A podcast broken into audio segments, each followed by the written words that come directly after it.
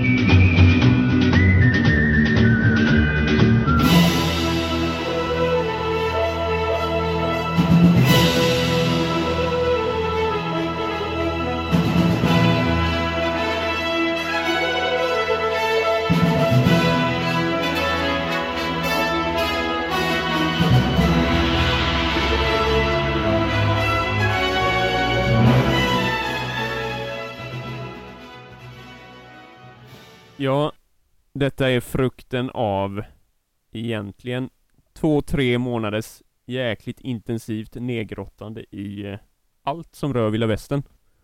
Egentligen. Och ja, vi är ju tre bröder som alla delar det intresset. Eh, och från 2017 skulle jag säga så, så blev vi, då började vi bli rejält fixerade ändå. Eh, mer eller mindre. Mm. Eller? Jo, egentligen är det ju, i alla fall i mitt fall, så är det ju ett intresse som har legat latent, kan man väl säga egentligen, under hela uppväxten på något sätt. Men det är ju först nu det verkligen har blommat ut. Jag skulle vilja säga typ 2019 för min del.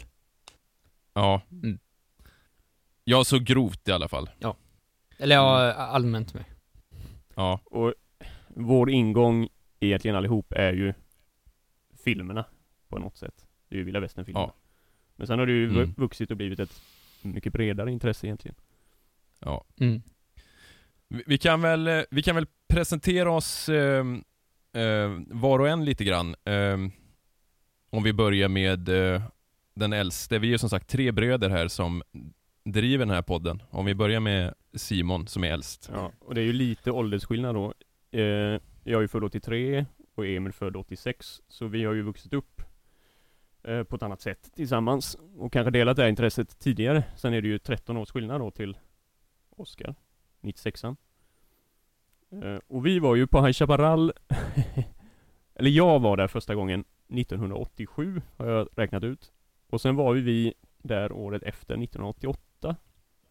Skulle jag tro. Mm. Ja, precis. Eh, och sen var det väl ett uppehåll till kanske Ja, det vet vi inte riktigt vilket år det var men Omkring 1995 Ja. Och däremellan var ju du där en vända också i och för sig Mm. Nej men det var ju, vi var ju flera gånger där som barn, men vi var ju inte så, så ofta att man var liksom varje år, utan det här var ju som en, det var ju, det var ju lite som en mytom, mytomspunnen stad på något sätt. Det var ju riktigt stort att åka till High Chaparral. För jag, jag kommer ihåg så väl, man tyckte ju att det var som att man kom till vilda västern, verkligen. Ja, absolut För mig personligen så har det ju legat liksom, det har alltid funnits ett intresse för det. Och om man tänker filmmässigt så var det mycket för mig tror jag på vi diskuterade filmer som kom egentligen relativt tidigt på 90-talet men som vi kanske såg snarare mot slutet av 90-talet, typ Wyatt Earp, Maverick, Tombstone. Mm. För mig är ju de sådana filmer som liksom fick mig att bli in- väldigt intresserad. mm. Eh, och sen har jag i Oscars fall, när, när, när du växte upp liksom, vad hade du för relation till västern då? Eh, ingenting alls. Inte mer än att pappa kollar på någon ibland liksom.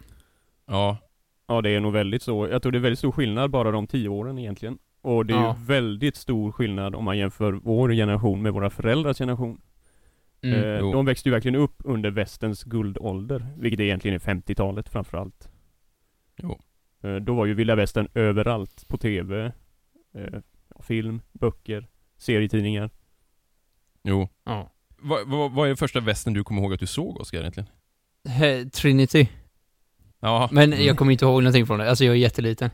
Men Ja. eh, det vet jag att pappa kollade på någon gång. Och då satt jag med. Kommer du ihåg vad du tyckte om det då liksom? Eh, ja men det var lite spännande. Ja. Men eh, sen har ju inte det intresset funnits med jättemycket hos mig. Nej. Utan det är ju, ja, 20... 2018 typ, hösten. När eh, Red Dead Redemption 2 kom ut. Ja. Det är i stort sett För- där det börjar för mig. Mm. För det är det, det är det jag skulle säga, du och jag, alltså vi har ju lite olika, i, i, alltså vi tre bröder har ju olika, Ja, Vad ska man ingångar säga? eller infallsvinklar. ja och ihop också. Som jag, Mm. jag har ju liksom, jag har ju en relation med Simon där vi har haft en relation med västern, så jag känner jag har ju en annan med dig Oskar egentligen, med Red Dead, i och med att vi Mm. spelar det. Ja. Och sen har ju vi tillsammans genom, dels genom filmer de senaste åren, och High Chaparral då, sen Mm. 2017 på ett Mm. sätt, för Simon och mig i alla fall, att man har börjat åka liksom regelbundet och det blir Ja, man, man börjar med en, en rutig skjorta och scarf och en billig hatt Mm. till, till nu i år där man har liksom lagt Du ska inte nämna det, men det handlar väl om en Nej. 10 000 kanske? Vi ska inte nämna det, men... ja, eh, precis. Så det har ju Eh, eskalerat lite. Det kan man ju lugnt säga. Mm. Eh, men då kommer man ju in lite på, som sagt, ja jo, jag vill nämna det också. Ett, ett av skälen som verkligen fick västern att väx, alltså växa för mig, i om man säger i vuxen ålder. Mm. Um, för man kan säga att vi tre är ju väldigt nördiga. Oskar, du har ju verkligen, i och med att Simon och jag är 10 och 13 år äldre än Oskar, så du blev ju mer eller mindre påtvingad in i sån här nörd, eh, nördsammanhang. Ja. Eh, du har ju haft lite val. Mm. Eh, Vi är vi har ju pratat, periodare kan man ju tillägga med. Det blir ju ofta det. ja, Jag hade ju en väldigt eh, intensiv James Bond-period nu egentligen i våras, där jag plöjde igenom alla Ian Fleming-böckerna. Eh, Ja. Och sen bytte ju egentligen till den här väldigt, väldigt, väldigt intensiva westernperioden nu. Som ju innebär att man i princip ser en film nästan varje dag. ja. Jo men, eh, och, och, och för mig var det i alla fall så, bland alla de här nördgrejerna, alltså DC, DC Marvel, som du säger, Bond, Jurassic Park, Western, vad det var. Mm. Eh, 2006 så läste jag en bok av Stephen King eh, som heter Det, det mörka tornet, Revolvermannen. Eh, och det här är liksom en, eh, en svit kan man säga om sju böcker som är Det är klassat som fantasy, det är klassat som västern framförallt, skräck, eh, science fiction. Och de här böckerna fick ju mig verkligen att shit, nu blev jag sugen på västern igen. Så sen 2006 har det liksom pyrt på. Eh, för att få sin kulmen nu, som för oss övriga känns det som va? Mm. Och där är det, väl- det är väl väldigt mycket spaghetti Clintan influerat i den boken, tycker jag. Nja, det är, ja alltså huvudkaraktären där, Roland är ju liksom, det är ju Clint. Men i Mm. övrigt, en bok till exempel, den femte där, den är ju eh, Sju vågor i livet rakt av. Mm. Eh, han är ju väldigt, eh, det är ju mycket, eh, eh, vad heter han? Japanen. Kurosawa. Kurosawa, ja tack. Ja. Precis. Det är mycket sånt eh, överlag. Så det är, eh, den femte boken har skrivit att det är mycket John Ford och eh, att de har varit liksom stor inspiration. Så det, det finns Ja. mycket där. Jo, det är klart. Han växte ju upp på 50-talet med och det prä- präglar ju nästan alla hans böcker väldigt mycket. Ja. Eh, Ja. Som sagt, som är smockat med vilda västern egentligen. Det producerades ju mängder med filmer varje år på hela Ja. 50-talet egentligen. Eh, ja, och som eh, vi har pratat om lite grann, i alla fall du och jag Simon, Mm. eh, att tyvärr är det ju så att nu är ju västern i en, eh, i alla fall filmmässigt, i en död tidsålder mer eller mindre. Jo, det görs Eh. ju vissa försök, eh, enskilda filmer, som är med blandat resultat kan man väl säga egentligen då. Men det Ja, tar ju aldrig fart på, det blir aldrig en riktig boom egentligen. Och det handlar väl mycket om eh, eh, science fiction-eran som tog vid i slutet på, ja låt säga mitten på 70-talet någonstans. Sent 70-tal. Eh, och sen har ju den hängt fast genom 80-talet, 90-talet och i allra högsta grad nu. men man får se nu, för nu lever vi ju i en tid där det bara kommer reboots och remakes Mm. hela tiden. Jo. Bland annat, vi, vi såg för några år sedan, 2016 va? Magnificent Seven, en re, re, remake. Mm. Eh, och 2000... Nu ska vi se om det antingen om det är nästa år eller 2022, det beror väl på eh, på covid-19, men Wild Bunch. Mel Gibbs, Ja. ja. precis, Mel Gibson ska ju regissera en eh, ny version på Wild Bunch Mm. med eh, Jamie Foxx, Michael Fassbender va, och vilka det var. Mm. Jag kan gissa att han själv kommer vara med på något hörn, hade ju varit kul. Jo. Ja. Eh, säkert. Ja. Ja. True Grit började väl med kanske egentligen då. Eller ja, Ja. egentligen så är det ju den eh, Yuma i och för sig. Den är ju tidigare. Ja, True Gritty 2010 va? Ja, och den är väl 07 någonstans kanske? Nej men så det, men det finns ju bevisligen ett intresse för det. Det har man ju märkt som sagt framförallt på eh, chappen, eller hajen, eller vad man vill kalla det. Eh, det är ju vi märkt, alltså ma- där vi som eh, väldigt gröna på det här med västern, det måste vi ändå säga Just att det, det är ju väldigt värt att påpeka detta ja. vi är ju verkligen lekmän när det gäller detta. Vi är ju varken filmvetare eller historiker egentligen så att vi vet ju knappt vad vi pratar om men eh, det går nog bra ändå. Men det är kul i alla fall.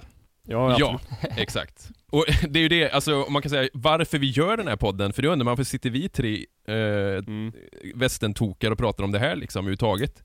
Det är ju för att ett, det är ju jävligt roligt, vi, delar, vi, vi har ju liksom mest konversationer dagligen om Colts, om filmer, om vem är ballast, Clint eller John Wayne. Eh, Det är ju Fonda. Ja, precis. Kläder. Eh, I kläder ja.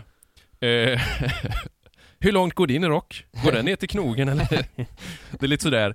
Men den andra aspekten som är extremt viktig för oss, det är ju att vi vill ju lära oss. Så Jo. det här kommer vara lite som liksom en, en utbildningsplattform för oss, att lära oss om västern. Mm.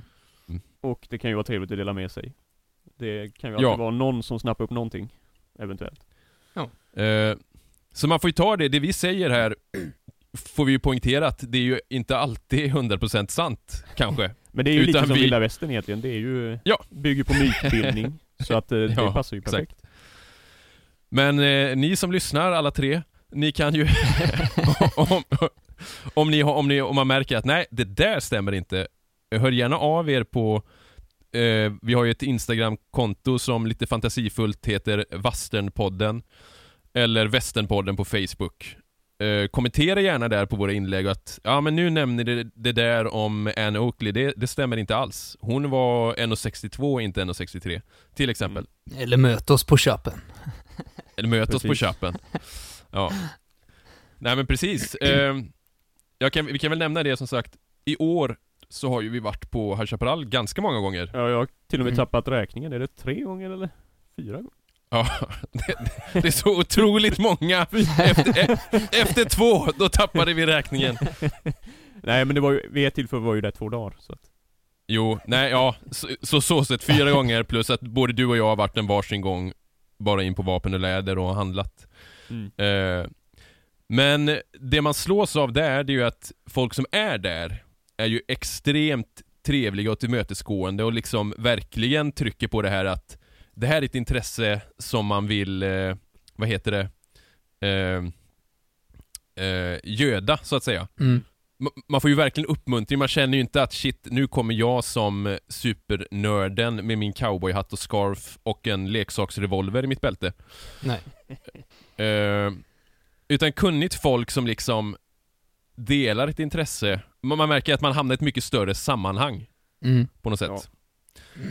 Jo, men intresset det är ju någonting med Sverige och vilda västern inbillar jag mig i alla fall. Eh, jag vet inte vad det är som tilltalar svenskar men Någonting är det. det alltså, det är ju, alla de här tv-serierna har ju varit oerhört populära.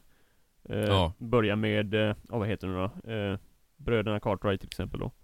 Ja, och High Chaparral. givetvis. Och High Eh, Chaparral var ju inte ens, det var ju inte ens stort i USA. Nej, Det precis. blev i i Sverige liksom. Ja, Ja. och sen McKayans då såklart, som förvisso, det var ju inte jättelitet, och det var ju egentligen, då var ju västerngenren mer eller mindre utdött egentligen, sent 70-tal. Ja, Eh, Ja. Men i Sverige var det ju verkligen den, största som gick på tv då i alla fall. men det är väl, är det inte också, kan det inte vara att det är så långt ifrån liksom en svensk livsstil man kan komma? Lite grann. Det är ju det här väldigt äventyrliga, det är liksom laglöst, ehm, eh, du har ju, jag, jag tror det är mycket det här romantiserandet av Jo, det. jo, Mm. absolut. Absolut. Och framförallt allt pang-pang och action liksom. Ja, det är ju Ja. egentligen ganska okomplicerat. Det är ju Ja. väldigt mycket pojk... pojkdrömsintresse. Ja. Mm. Jo men så är det ju. Eh, Men vad är det som, om vi, Oskar, vad är det som tilltalar dig med västern nu liksom? Vad, vad- kan man sätta ordet eller fingret på vad det är som gör att du gillar västern nu? Eh, jag menar, High Chaparral. Ja, Eh, är väl en jättestor del i det. Alltså att man får... Eh, man får leka av sig. Ja. det är Nej men alltså det. så här. Man, man, alltså man kan gå runt usle liksom och gå runt och skjuta liksom. Och leva Ja. i en vilda västern-stad. Ja. Hade, inte Ja. det, hade inte det funnits så vet jag inte om eh, jag hade haft sånt intresse för det. Tror jag Nej, inte. för då får man inte, då kanske man inte får utlopp för det på samma sätt. Nej, precis. Nej, jag tror det är väldigt okomplicerat egentligen. Ja. Det känns ju så i alla fall. Ja. Eh, men för mig är det också någonting rent estetiskt med det med. Alltså, det är jävligt balla kläder till exempel. Eh, vapnen är balla. Mm. Eh, Jo, jag menar det. Det är ju ganska okomplicerat på något sätt. Jo, Man tycker helt enkelt att det är jäkligt häftigt. ja. Men det, det är därför jag tycker det, för det, jag slås av att det, det är ju väldigt många som hatar västern. Jag vet, jag pratade Mm. på min förra arbetsplats till exempel, när jag började snöa in i det här, jag, jag liksom höll ju på, när jag köpte min första Colser-revolver och stod Mm. hemma och skulle spinna liksom och sköt, det var eld och lågor och visade och de bara Det var ingen som kunde fatta liksom västern. Vad? Nej. Vad är det med västern? Eh, så det, det, det är ändå, det, det finns ju ett stort förakt mot det. Mm. Liksom, Jo. ehm, Men det, ja, det har ju med att göra någonstans där, det som skedde, alltså när genren dog egentligen. Eh, Eller Jo. där den började dö ut i sent 60-tal, tidigt 70-tal. ja, Eh, Då vände man ju de här värderingarna ryggen ganska omgående egentligen kan man väl säga. Eller ja, Mm. det var ju en process såklart. Det var ju en väldigt speciell period i amerikansk historia. Med Vietnamkriget och så vidare liksom. Men mm, vi kan väl göra så här med, eh, utan att det, vi pratade om det innan så här. Första avsnittet, det vore skönt att hålla det till en timme ungefär, lite komprimerat. Men eh, Oskar och jag till exempel, vi driver ju även Rymdpodden slår tillbaka, vår Star Wars-podd. Mm. Och av erfarenhet så vet vi att en, en timme är oftast omöjligt att hålla. Mm. Jo, det är väl bara att inse det. Ja, men vi ska försöka liksom eh, rama in lite och smala av ibland så här. Som nu till exempel, jag tänker vi kan ju prata om Vi pratar om att vi har en vilda västern-podd, men vad är, vad klassas som vilda västern liksom? Mm. Eh, det, det är ju lite, det är ju lite upp till vem man frågar men Men egentligen, man kan väl säga grundläggande är det ju, det är ju två saker. Alltså det är ju, dels är det ju en väldigt snäv tidsram egentligen. Det är ju en viss period i amerikansk historia och det är ett visst område egentligen.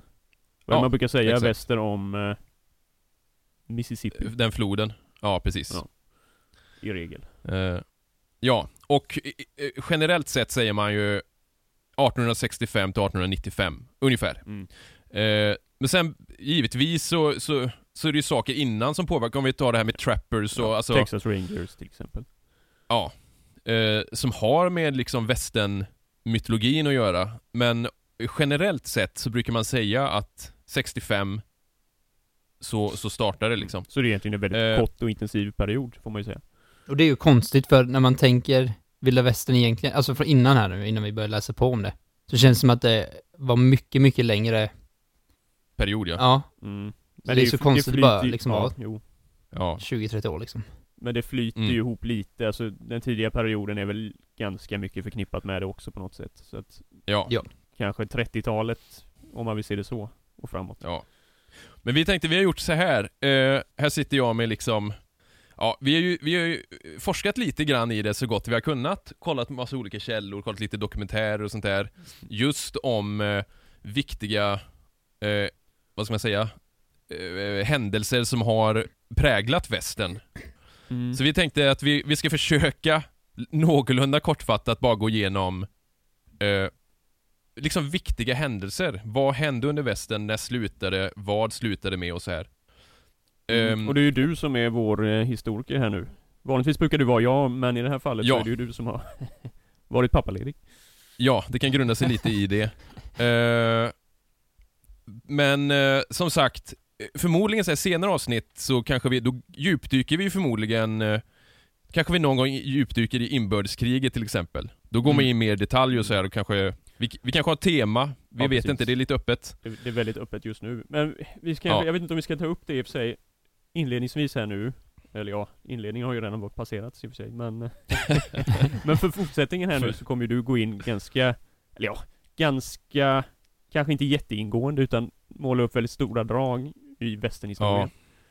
Eh, Mm. sen kommer vi ju även, vi kan ju säga det också att vi kommer ju även ta upp, försöka nämna en film i varje avsnitt. Ja. Eh, och sen kanske inte djupanalysera den på något sätt alls, utan det är väl mer av Ja men lite tycke och smak. Ja, Mm. absolut. Eh, så det kan ju vara både tips och det kan vara hålla sig borta från tips Ja. också på ett sätt. A Value of Violence. Mm.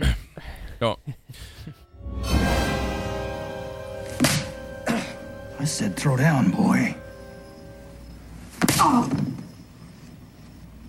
You gonna do something or just stand there and bleed? No? I didn't think so. Och då går vi in på den här tidslinjen då. Eh, som vi sa, runt 1865 så brukar man säga att det börjar. Och det har ju med inbördeskrigets slut att göra. Alltså kriget mellan eh, nord och syd. Eh, det är ju liksom en huvudpunkt. För det här kommer ju prägla västern ganska mycket. Bland annat det här med att sydstatsrebeller som eh, Frank och Jesse James, att de börjar göra räder mot eh, militären eh, som uppror mot eh, det nya styret. Ehm, det är en grej som präglar mycket. Eh, det andra är ju på grund av detta att det börjar bli oroligheter igen eh, i södern. Det gör att eh, man, man vill öppna upp liksom västra delen av landet där det än så länge inte är civiliserat på något sätt. Utan man håller sig till östra delen av USA, egentligen. Eh, så Ulysses S. Grant och president Lincoln och regeringen bestämmer ju att man får expandera, man liksom, man vill flytta ut. En, det är en hopp om nystart för, för nationen, kan man säga. Eh, och då kommer nästa punkt som är superviktig för västern, det är att man påbörjar eh, järnvägsbygget västerut. Eh, så att man kan ta sig från öst till väst. Och då erbjuder liksom regeringen järnvägsbolagen, de, de kommer få land i anslutning till rälsen de bygger. Eh, som kompensation för byggandet. Och järnvägsbolagen sen, de säljer de här tomterna till nybyggarna. Så det här gör ju att folk börjar flytta västerut. Till den vilda västern. Men, Kan man säga. Där hade det Mm. ingenting med typ att om man hjälpte till att bygga eller något så här, så fick man en del av landet eller? Har jag bara fått för mig det? Nej, det var nej, järnvägsbolagen, som sagt. De, de fick ju landen runt rälsarna. Men Ja. Och sen, sälj, sen säljer de de tomterna till nybyggare. Ja, men de, de nybyggarna där. Fick inte, Ja. fick inte de typ vissa delar utav landet om de hjälpte till utav att bygga? Kan det säkert varit. Eller det kanske jag Eh. bara har drömt. Ja, ja, det vet jag faktiskt inte. Det kan, det kan vara så, absolut. Ja. Ehm, men det som hände sen då, om vi tar 66 till exempel. Eh, det stora som hände då, det är ju att indianerna då, som eh, bor i de här delarna, eh, bland annat en viktig profil där, det är ju Crazy Horse från La- Lakota Sioux-indianerna. De här börjar liksom anfalla de här nybyggarna, alltså egentligen inkräktare som kommer till deras del av landet. Eh, framförallt i de norra delarna av västern, typ Wyoming och så. Eh, och det här blir starten på det som blir indiankonflikten, eller liksom indiankriget. Eller krigen som kommer, ja. ja, som präglar i stort sett hela västernperioden, kan man ju säga. Mm. Eh, och här kommer en annan eh, viktig filur in i bilden. Eh, Ulysses S. Grant, som då har blivit president, skickar eh, sin bästa anförare från inbördeskriget till att eh, reda ut den här konflikten. Och det är George Armstrong Custer. Och han tror jag många har hört talas om, Custer. Den fåfänge Custer. Ja, precis. Han var ju liksom, eh, ja vi behöver inte gå in så mycket på honom, men eh, absolut fåfäng är ett bra ord. Och en vikt, väldigt eh, duktig eh, soldat, Mm. helt enkelt. Ehm, om man hoppar fram lite grann några år där då. Eh, 68 så sker det en eh, massaker i eh, Washita, Washita River. Eh, där Custer och hans trupper de slaktar en hel indianby. Det är alltså 150 eh, Cheyenne-indianer och 800 hästar eh, dödas. Och de bränner hela den här byn till grunden och det här blir USAs första seger i indiankrigen. Så det är en viktig punkt liksom. Ehm, eh, och Grant märker ju att den här eh, konflikten håller på att eskalera. Kriget blir större och större och han har precis, de har, USA har just kommit ur inbördeskriget så man vill ju inte ha ett krig till. Så dels så har man det här hotet om rebeller nere i södern med Jesse James och company och så har man indiankrigen. Ehm, så då försöker han eh, fått slut på kriget med indianerna genom att ordna med reservat för dem. Så man erbjuder indianerna mat, kläder och utbildning. Eh, och det här är ju inte så många i amerikanska regeringen som vill det här. De flesta vill ju utplåna indianerna. De tänker att varför ska vi låta dem leva? Vi vill ju liksom, det är bara att ta allt. Men Grant var en av de få som, eh, som ville låta dem leva. Eh, så hans mål var ju egentligen att integrera eh, indianerna till den amerikanska livsstilen kan man säga. Och här kommer en viktig grej då, det är att många indianer vägrar ju detta. Bland annat Crazy Horse och en annan viktig profil som är Sitting Bull. Eh, så det här är ju viktigt, här är ju verkligen indiankriget, man försökte lägga band på det, än så länge, med det här eh, reservaten. Och här var det ju så att de vita fick ju inte gå in på de här reservaten, utan här skulle indianerna få styra. Det är en viktig grej, för vi kommer komma tillbaka till det senare. Um, nästa grej är ju då att 69 så blir den stora, eh, den här transkontinentala järnvägen, alltså från öst till väst, den blir färdig.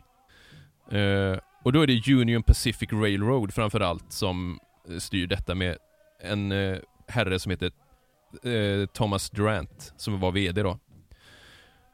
Eh, och en lite lurig grej här det är att järnvägsbolagen fick ju betalt per kilometer för att bygga den här järnvägen. Eh, och han var ju så lurig så de drog ju långa omvägar. Så de fick ju svinmycket pengar extra som regeringen inte hade koll på. Det var ju liksom inga eh, regelverk kring detta. Det var ingen som kollade upp i princip. Och så mutade han massa folk i kongressen och så här också. Eh, så han tjänade ju multum på det här. Plus att han också eh, tog alldeles för mycket betalt för arbete och material. Så jag tror att han gick vinst med så 100% i detta. Mm. Eh, och det som händer nu då, det är att folk börjar ju liksom investera i järnvägsbolagen. Eh, och köpa aktier och så här. Så här vid 69 så börjar det bli liksom en god ekonomisk uppgång för landet. Eh, är ni med så långt? det är Ja. mycket snack, Ja. men ja. Eh, det som däremot händer nu när det blir ökad tågtrafik tvärs över landet, det är ju att eh, rånare har ju ett gyllene tillfälle att rida ifatt de här tågen som liksom är på, de är ju på en räls, de kommer ju ingenstans. Så bland annat Frank och Jesse James då gör sig ju kända som tågrånare. Eh, de går på här och snor eh, det de tycker att de har rätt till helt enkelt. För de tycker ju att nordstaterna har liksom eh, eh, tagit deras land och tagit deras pengar. Så det är inte mer än rätt, anser de. Och eh, hittills har man ju sett Jesse James som en, som en bov, helt enkelt. Men nu kommer det en eh, tidningsreporter som heter John Newman Edwards, som även är en sydstatssympatisör. Eh.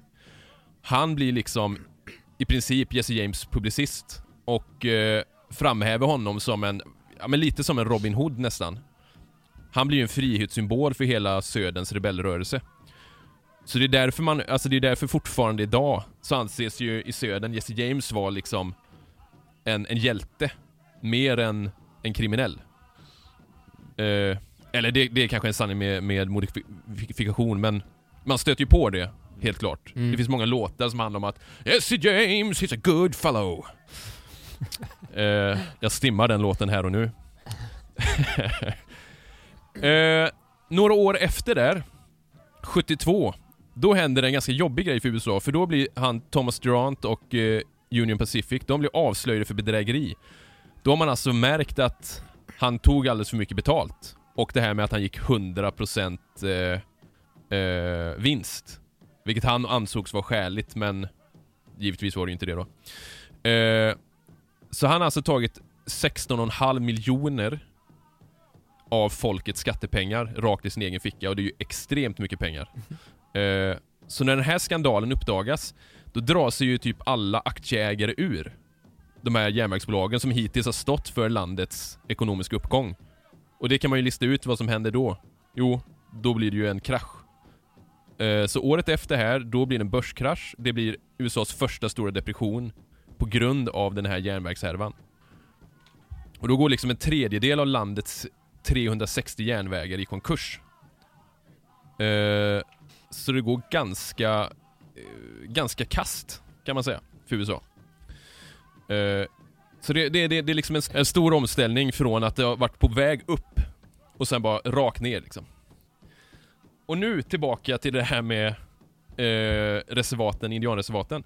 För USA är ju liksom i desperat behov av att få pengar nu. Man måste liksom, för det, det börjar gå ut för det blir mer kriminalitet, folk har inga jobb. Eh, då ryktas det om guld i Black Hills i USA. Eh, och det här är ju kanon, för kan man skaffa guld, givetvis, då blir det inkomst. Eh, så folk vill ju dit och gräva guld eh, och få en eh, vettig ekonomi liksom. Problemet med det här, det är att Black Hills lever i, eller ligger i eh, Lakota Sioux-indianernas reservat. Och man vill inte störa den här indianfreden som man har fått nu då. Så eh, Grant skickar eh, General Custer på en hemlig expedition.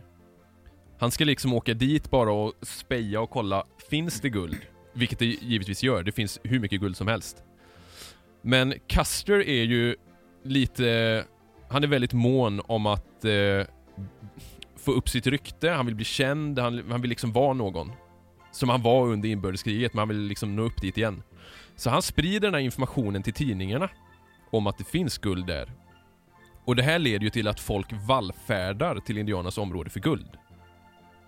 Och det här leder ju såklart så småningom till att det blir krig igen. Eh, och under den här tiden så är det en annan grej som är ganska viktig. Geronimo till exempel är väl... Eh, nu ska vi se vilka filmer har vi honom i. Bland annat en vi kommer prata om senare i programmet.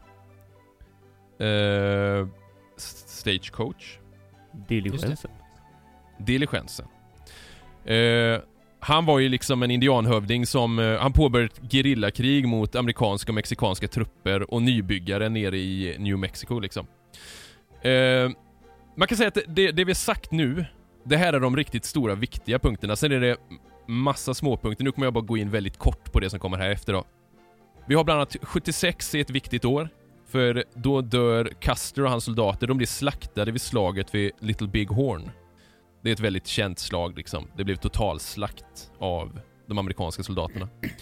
Eh, vi har också Wild, Wild Bill Hickok. Som var, ja det! Nu ska vi se, Simon, vet du det? När var det Wild Bill Hickok hade sin revolverduell? Oh, pratade inte om det igår. Sex... Var inte det 60? 66 va? Ja, det var tidigt i alla fall. Det var ju... 65 eller 66? Ja, andra halvan 60-talet någon gång. Eh, för det, bara anknyta till det, för det är ju, det är ju en viktig grej. Ehm, för egentligen finns det inte jättemånga dokumenterade regelrätta liksom, När revolverduellen, nej. Det är nej. ju framförallt den och, eh, ja, den kanske Okej. mest kända egentligen. Okej, Corral. Okej, Corell ja. 81. ja. Det står så här i alla fall, alltså 67 tror jag det kom en artikel, för det var den som gjorde Wild Bills eh, duell känd. Det var mellan eh, han och en herre som hette Dave Tutt. I, eh, det var i, i, i staden Springfield då. Eh, så det var ju en sån riktig showdown. Det är ju därifrån allt det här i filmerna kommer ifrån i stort sett. Eh, det är det man har i alla fall och, och liksom hänga upp det på. Han, eh, Wild Bill Hickok då, han blir mördad 76 i eh, ett parti poker i staden Deadwood, som ligger då i Black Hills. Eh, och där har vi ju en känd grej som har myntats, ett uttryck från när, han blir mördad då. Som kallas för... Död mans hand. Och det var, vad hade han på handen då? Oskar, vad var det? Ja, det jag tror att det var par i S och åttor. Ja, Ja. svarta. Helt rätt. Och man vet, det är väl inte helt klart vad det femte Nej. kortet var men det är Ja, nej, det finns två teorier, men det är ju helt löst. irrelevant. Ja. Eh, så det, det är ju en känd händelse liksom. Eh, om vi tar 78 sen, då kommer också en viktig incident. Då har vi Lincoln County-kriget. Är det någon av er som vet vad det är? Inte jag. Jag är på toa. Nej. Du är på toa. Lincoln County, det är ju liksom... Eh, då pratar vi om Billy the Kid. Det är ju det här han är känd för. Eh, han var ju liksom en... Han jobbade som regulator, hette det. Vad, vad blir det på svenska? Ja, de kallades the regulators. De var de som anställdes av eh, ranchägare eller så här s- som eh, hired, eh, vad heter det? Revolvermän i princip.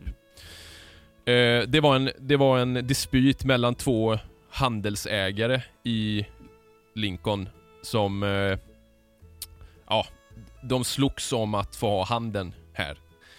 Och så mördades den ene som var en typ mentor och chef för Billy the Kid och hans regulators. Så det här blev ett stort krig liksom mellan de här. Eh, som slutade med slutligen att eh, regulators förlorade, de fick fly. Men egentligen var det ju hämnd. De hämnades för att eh, eh, deras vän hade blivit mördad, egentligen. Mm. Eh, Young Guns, den filmen går ju in ganska mycket på det. Eh, och några år senare där, 81, då blir Billy the Kid berömt mördad av Pat Garrett som var hans före detta vän och eh, en sheriff då. Sägs att han blev skjuten i mörkret i ryggen av honom. Eh, som många revolverstrider var förmodligen. Skjuten i ryggen. Det verkar ha varit, eh, som jag förstår det i alla fall, verkar ju det varit standard. Ja. Typ. Eh, med reservation för att jag eh, inte vet. men, men det jag läst i alla fall. 81 är ju ett viktigt år också för Billy the Kid dör, revolverstriden vid OK Corral, alltså Wyatt Earp och hans bröder mot eh, Clanton och... Eh, Ja, vad heter vad heter de? Eh, Inte Curly Bill utan... Eh, nej, det är ju två andra bröder va? ja, men Ja, de, eh, de i alla fall. Mm. Och Sitting Bull kapitulerar även det året. Eh, året efter, då blir Jesse James, han blir mördad av eh, Robert Ford. 86, då kapitulerar Geronimo. Alltså ungefär 10 år efter att han påbörjade sitt gerillakrig mot USA och Mexiko. 87 händer en viktig grej, det kommer The Dawes Act. Eh, kongressen i USA beslutar att regeringen, att de har rätt att liksom beslagta land i indianreservaten. Så man skiter helt enkelt i det man har upprättat innan. Och då är målet ännu mer liksom att försöka bryta att i de här indian eh, samhällena så ska man bryta att indianerna styr, utan det ska vara mer amerikanska livsstilen. Och sen kommer vi till det stora slutet av västern. Egentligen. Landrusningen, eller? Ja, ja, exakt. Och när är det då? Är det cirka ja, mitten på 80-talet va? Ja, åt- 89 till 95 Ja, ungefär. det inte egentligen. Ja. Och det innebär ju liksom att eh, egentligen att man man tar ju de, de sista eh, indianreservaten i princip eh, och koloniserar det här och gör till eh, amerikansk, eh, vad heter det? Ja, det är ju Eh, en och- regelrätt landrusning. Finns ju foton på det alltså. Med stora karavaner med vagnar som... Det är först Ja. till kvarn-principen egentligen. Eh, beslagta land. Ehm, och det här, det är också massakern vid Wounded Knee eh, 1890. Sista liksom indianslaget kan man säga. Det blir verkligen slutet på indiankrigen. Ehm, och det här året mördas även Sitting Bull i fängelse va? Tror jag. Mm. Mm. Eh, och då kommer du in på det också, för Sitting Bull, han var ju med i en viktig, en karaktär som inte har nämnt, eller en person, är ju eh, Buffalo Bill, Cody. Ja precis. Eh, som startade en vilda västern show egentligen. Eh, Egentligen hade han väl tidigare föregångare då, men den, den kända är ju den här eh, Buffalo Bills Wild West, helt enkelt. Mm. Eh, som han startade någon gång på 80-talet, tror jag, tidigt 80-tal. Och där är ju med bland annat då Sitting Bull och Annie Oakley. Uppträdde Mm. ju i den här showen. Och den har ju varit väldigt, väldigt viktig för mytbildningen. Eh, Ja. Och egentligen allas uppfattning om vad, vad som är vilda västern. Mm. Mm. Eh, och det spels ju också vidare till filmindustrin sen egentligen. Ja. Och där har vi också den kopplingen att många utav de här uvarna var ju egentligen med och inspirerade. Till exempel Wyatt Earp eh, var ju delvis som konsult i Kalifornien sen. Mm. Och träffade ju då i sin tur eh, John Ford till exempel, som har influerat väldigt, väldigt mycket sen. Ja. Men det är ju det som är lite lurigt. Jag tänker det som Wyatt Earp till exempel. Han har ju haft liksom världens möjlighet att skapa sin egen legend. Jo, Mm. Vilket är, det är därför man ska ta lite med nypa salt, allt det. Alltså, västern är ju verkligen en sån period, har man ju förstått när man har läst allt det här. Eh, som är väldigt mytomspunnen och bygger på legender mycket. det, det, det har varit väldigt svårt tycker jag att sålla liksom i vad är äkta, vad är liksom... För kollar du tio källor så är de ofta lite olika. Mm. Vi kommer säkert kunna Eh. djupdyka i de här olika personligheterna i framtida avsnitt.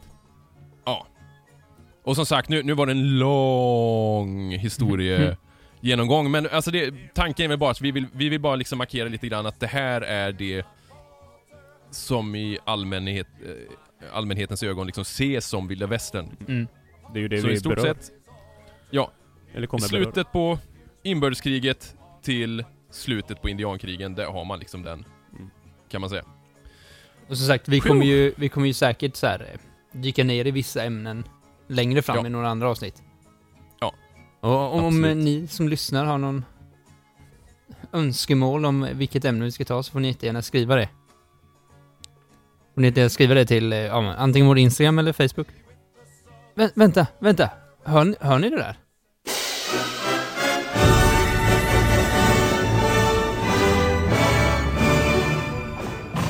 Det är lugnt och tyst här ikväll. Just vad det ska vara det, Jake Logan. Ta ditt gäng och stick va. Jag vill inte ha något bråk här ikväll. Ja, och det, det där, eh, den gingen är ju från en, eh, en lingonvästen. Och det, det finns Mhm. faktiskt inte så jättemånga lingonvästen. Det finns tre stycken va? Ja, två regelrätta. Den tredje är ju frågan. Den äldsta egentligen. Är den lingonvästen eller? Eller är det blåbär? Jag vet inte riktigt var den är inspelad. Det spelar ju rätt stor roll. Ja. Nej, jag vet inte. Men den här är i alla fall inspelad på High Chaparral. Den heter ju Mm. I Dödmans spår, eller Dödmans fotspår? Spår. Spår. Spår. Inspelad det kommer vi- 74 tror jag. Släpptes 75. Mm. Vi kommer säkert prata om den längre, längre fram någon gång. Vi, vi kan ju säga, vi kan ju tipsa redan nu däremot, har man inte sett den, gå in på YouTube och sök på den.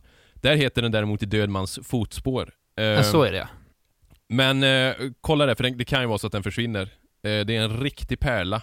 Sune Manks. Ja, det är ju väldigt mycket stora kända skådisar i filmen egentligen. Eh, och sen är det ju... Både, både till kändhet och eh, till massa. Jo, jo.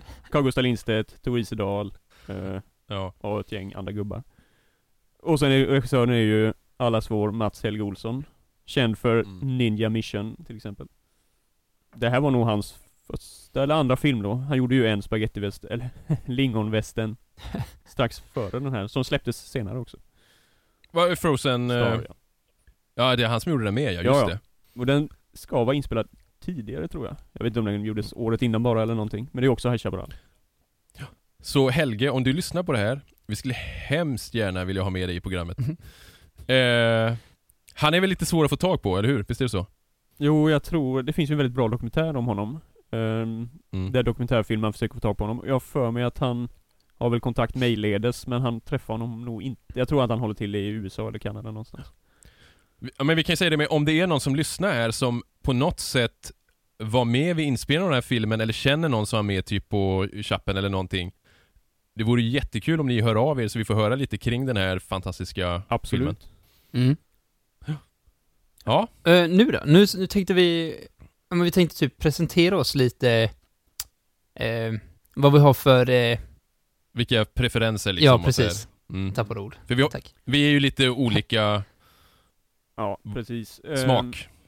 Jag vet, Ska- den största skillnaden med, till mig är väl egentligen att jag Jag började ju någonstans när jag började intressera mig för västern på riktigt egentligen. Eh, som sagt, det har alltid legat latent sen man var liten egentligen alltså. Men Sen, sen bröstmjölken. ungefär så. Men någon gång, eh, jag vet inte, när man var 15, 16, 17 någonstans. eh, Så började jag intressera mig för de här riktigt gamla klassikerna. För ofta är det ju så, tyvärr tycker jag, att spagettigenren är ju det som de flesta känner till mest och tänker på när man tänker på westernfilmer. Men egentligen, för att provocera lite, så är det ju lite av en parentes i westernfilmhistorien egentligen. Sen har det fått väldigt Jo. stort genomslag. Eh, Ja. Populärkulturellt. Det har det ju absolut gjort. Men jag intresserar mig ju väldigt mycket för, ja, John Ford-filmer. Eh, framförallt John Ford. Det är ju väldigt mycket honom egentligen. Mm. När det gäller visst kvalitetsfilmer. Sen finns det ju väldigt mycket Mm. B-westernfilmer från 30-talet och så vidare. Men, Mm. eh, så det är ju verkligen, det är väl den största skillnaden mellan oss egentligen. Att Ja. Ja. Oskar, vad har du för, liksom om man ska göra så? Simon har ju mer det här, alltså originalen om man får säga så. Mm. Då, är, då är jag raka motsatsen. Jag är Mm. ju, jag är ju mer spagettivästern. Mm. Jag tycker det är den... eh, Alltså om man kollar bara filmmässigt och inte så här historiskt korrekt och så här, så är det... Jag tycker det är mer eh, häftigt. Mm. Sen är det ju egentligen, alltså jag tycker ju också om eh, Sergio Leones filmer, men det är, frågan är ju hur många spagettifilmer utöver dem som är så mycket att ha egentligen. Mm. Nej, i och för sig. Men, eh, men jag- de är ju absolut väldigt bra filmer. De Ja. Men du då, Emil? egentligen. Ja, jag, jag är ju någonstans egentligen mittemellan.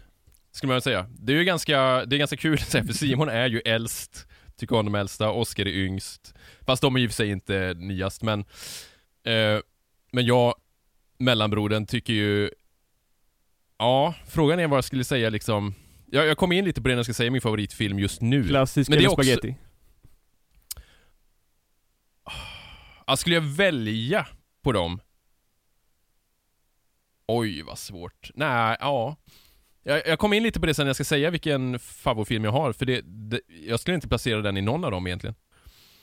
Uh, men, men, men det, det, man kommer in på en annan grej här som också är lite viktigt, för det, det har jag också pratat om förut, men egentligen så tycker jag att det är svårt att se västern som en genre. Jo, det är ju det. Mm. Det har vi väl jag diskuterat menar, förut också. Eh, Ja, jämför Bone Tomahawk med Maverick Nej, till exempel. Det är väl det som är klassiskt. Alltså westernfilmer egentligen, det är ju återigen, det är ju tidsperioden, väldigt snäv Ja. tidsperiod, och området egentligen. Det är det som Ja. är westernfilmen. Sen finns det ju Mm. mängder med undergenrer egentligen. Alltså Ja. psykologisk western, eh, skräckvästern, Mm. eh. Västernporr. Ja. Mm. Revisionist-västern. Det är ju det, alltså Peking på, ja egentligen Ja. Leon också. Men jag tänkte, ska vi kolla lite vad vi har för favoritfilmer? Mm. Vi börjar åldersmässigt då. Vem är äldst Ja. först? Vem som är äldst först? Vem, jag- vem är äldst? Äldst först sa jag bara, Ja. inte vem som är Ja. äldst. Eh, ja, det här är ju säkert någonting som kommer kanske skifta, känner jag. Det är väldigt, Mm. väldigt svårt. Eh, Ja. Och det har ju förändrats redan i år alltså. Eh, jag har ju sett brutalt, en brutalt stor mängd westernfilmer i år alltså, eh, som jag inte har sett alls innan. Eh, många kända filmer som jag borde ha sett för länge sedan egentligen, som till exempel Mannen från vidderna, det vill säga Shane. Eh, som är en fantastiskt bra film egentligen tycker jag. Och den växer ju verkligen varje gång man ser den. Ehm, men en film som har vuxit enormt mycket. Och det är framförallt efter jag har sett eh, mycket John Ford-dokumentärer.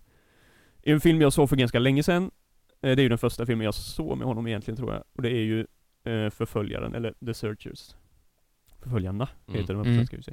Mm. Uh, och den, visst, första gången jag såg den tyckte jag den var bra, absolut. Men den har vuxit så enormt när jag har sett om den alltså. Och särskilt om jag har sett dokumentärerna om John Ford och förstår hur, vilket geni han är egentligen. Framförallt är det bildkompositionen som är, det är som små eh, tavlor och mästerverk, eh, många scener där. Han är ju Mm. väldigt inspirerad av de här tidiga eh, västernillustratörerna. Nu har jag inte namnet på dem, men det är ju framförallt två personer jag tänker på. Eh, det kanske dyker upp i någon länk sen. Du pratar ju om det här med horisonten till exempel. Jo, det var ju en grej. Absolut. Eh, Mm. Det finns ju en historia om eh, Steven Spielberg eh, träffade honom på 50-talet någon gång. Det var ju innan han, eh, han gjorde ju lite hobbyfilmer så, med sin eh, 8 mm kamera. Eller vad heter det? 8 mm? Ja. 16, 8. Ja, i alla fall så var han vid ett eh, filmbolag, eh, minns inte var i alla fall, och eh, ehm, Jo, han ville ha tips om filmer, tror jag. Eh, och då fick han träffa John Ford i en minut. Och kom in då, eh, och John Ford satt med sina boots på skrivbordet. Och tuggade på en eh, näsduk. Som han brukar göra tydligen. Eh, han är ju väldigt excentrisk, kan man ju tillägga också. Vi kommer ju komma in på honom mer framöver också. Men då sa han, ja du får en minut. Och så, gillar du konst? Frågade han. Ja, det gjorde han väl. Och så visar han de här västern, eh, kända på tavlan, som han har hängande på väggarna.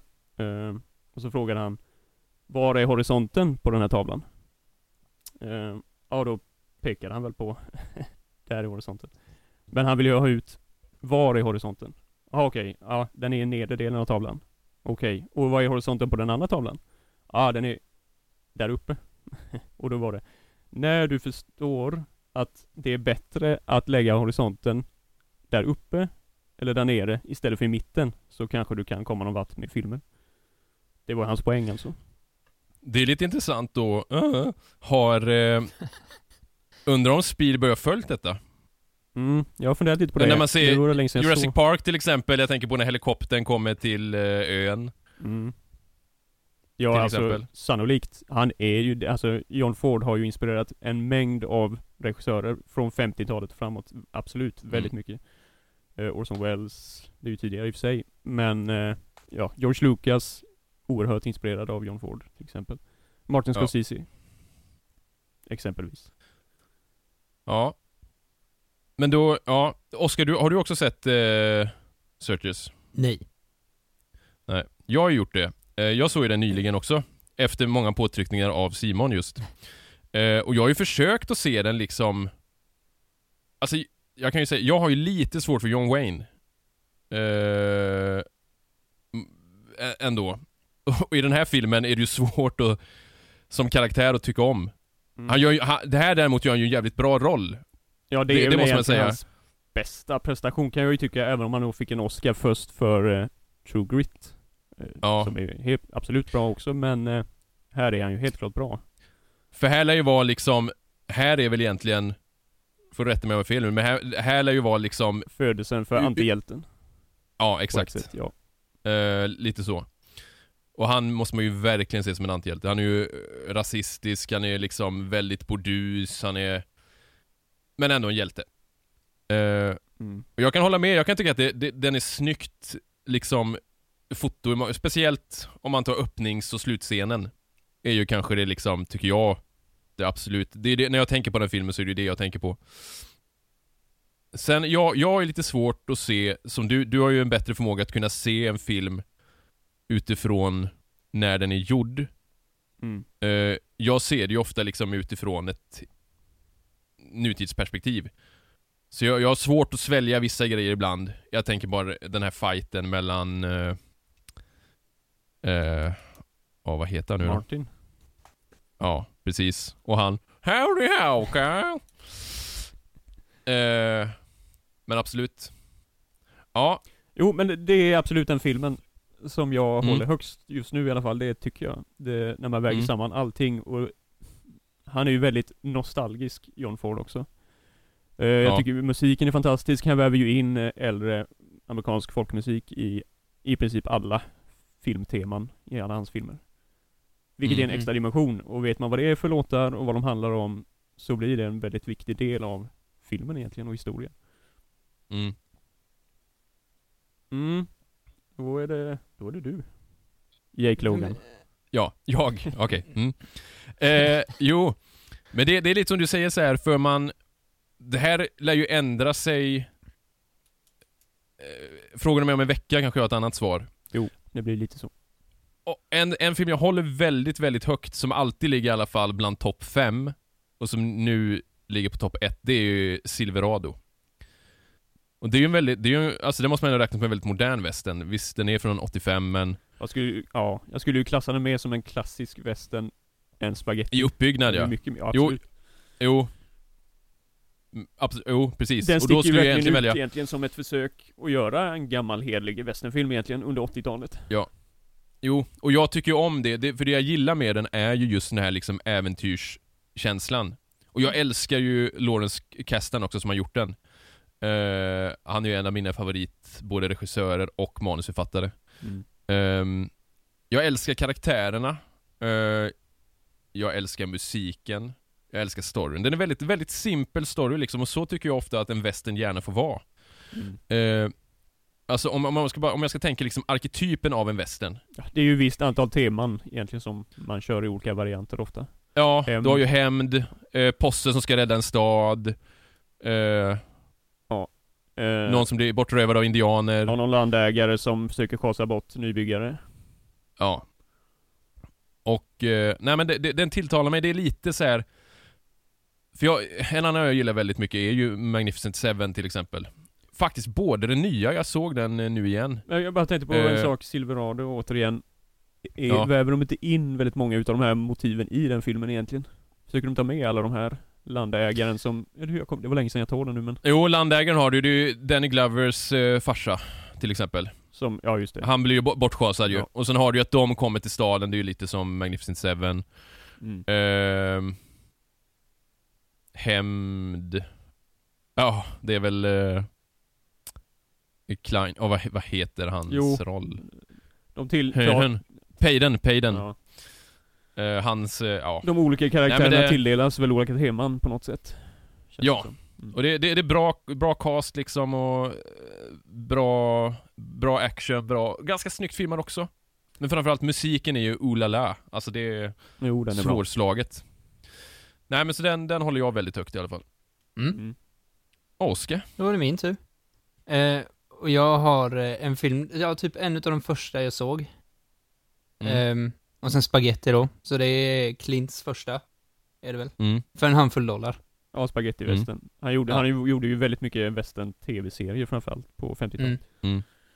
Eh, Mm, men det, det är den här. För en handfull Mm. dollar i alla fall. Och, men just att det är... Men han är så badass typ, Clint i den filmen. Mm. Och eh, men det det är inte så mycket som sägs. Nej, och det, är var också väl, där. Ja, det var väl också hans idé mycket tror jag. Eh, att väldigt lite dialog. Jag vet inte om Leone var inne på det också, men det var åtminstone Clint själv var ju väldigt mycket inne på det. Att dra ner på dialogen. Och det är Mm. Visst, det är ju effektfullt, absolut. Det passar ju honom perfekt. Ja. Och sen, sen gillar jag miljön, alltså Mexiko där. Av Mm. någon anledning, jag vet inte riktigt varför, men det är någonting som tilltalar mig där. Jag tycker det är bra. Eh, men, Mm. men sen har jag också så här. På senaste tiden så har jag ändrat mig lite, men jag håller fortfarande kvar den här ganska högt. Men eh, Magnificent Seven ligger ganska nära där. Originalet. Ja. Mm.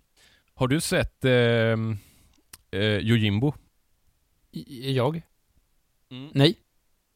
Mm. Det är väl egentligen det jag ser som Jag tycker nog att det är den sämsta av de Leones, eller ja, fyra filmer, men i trilogin då i alla fall.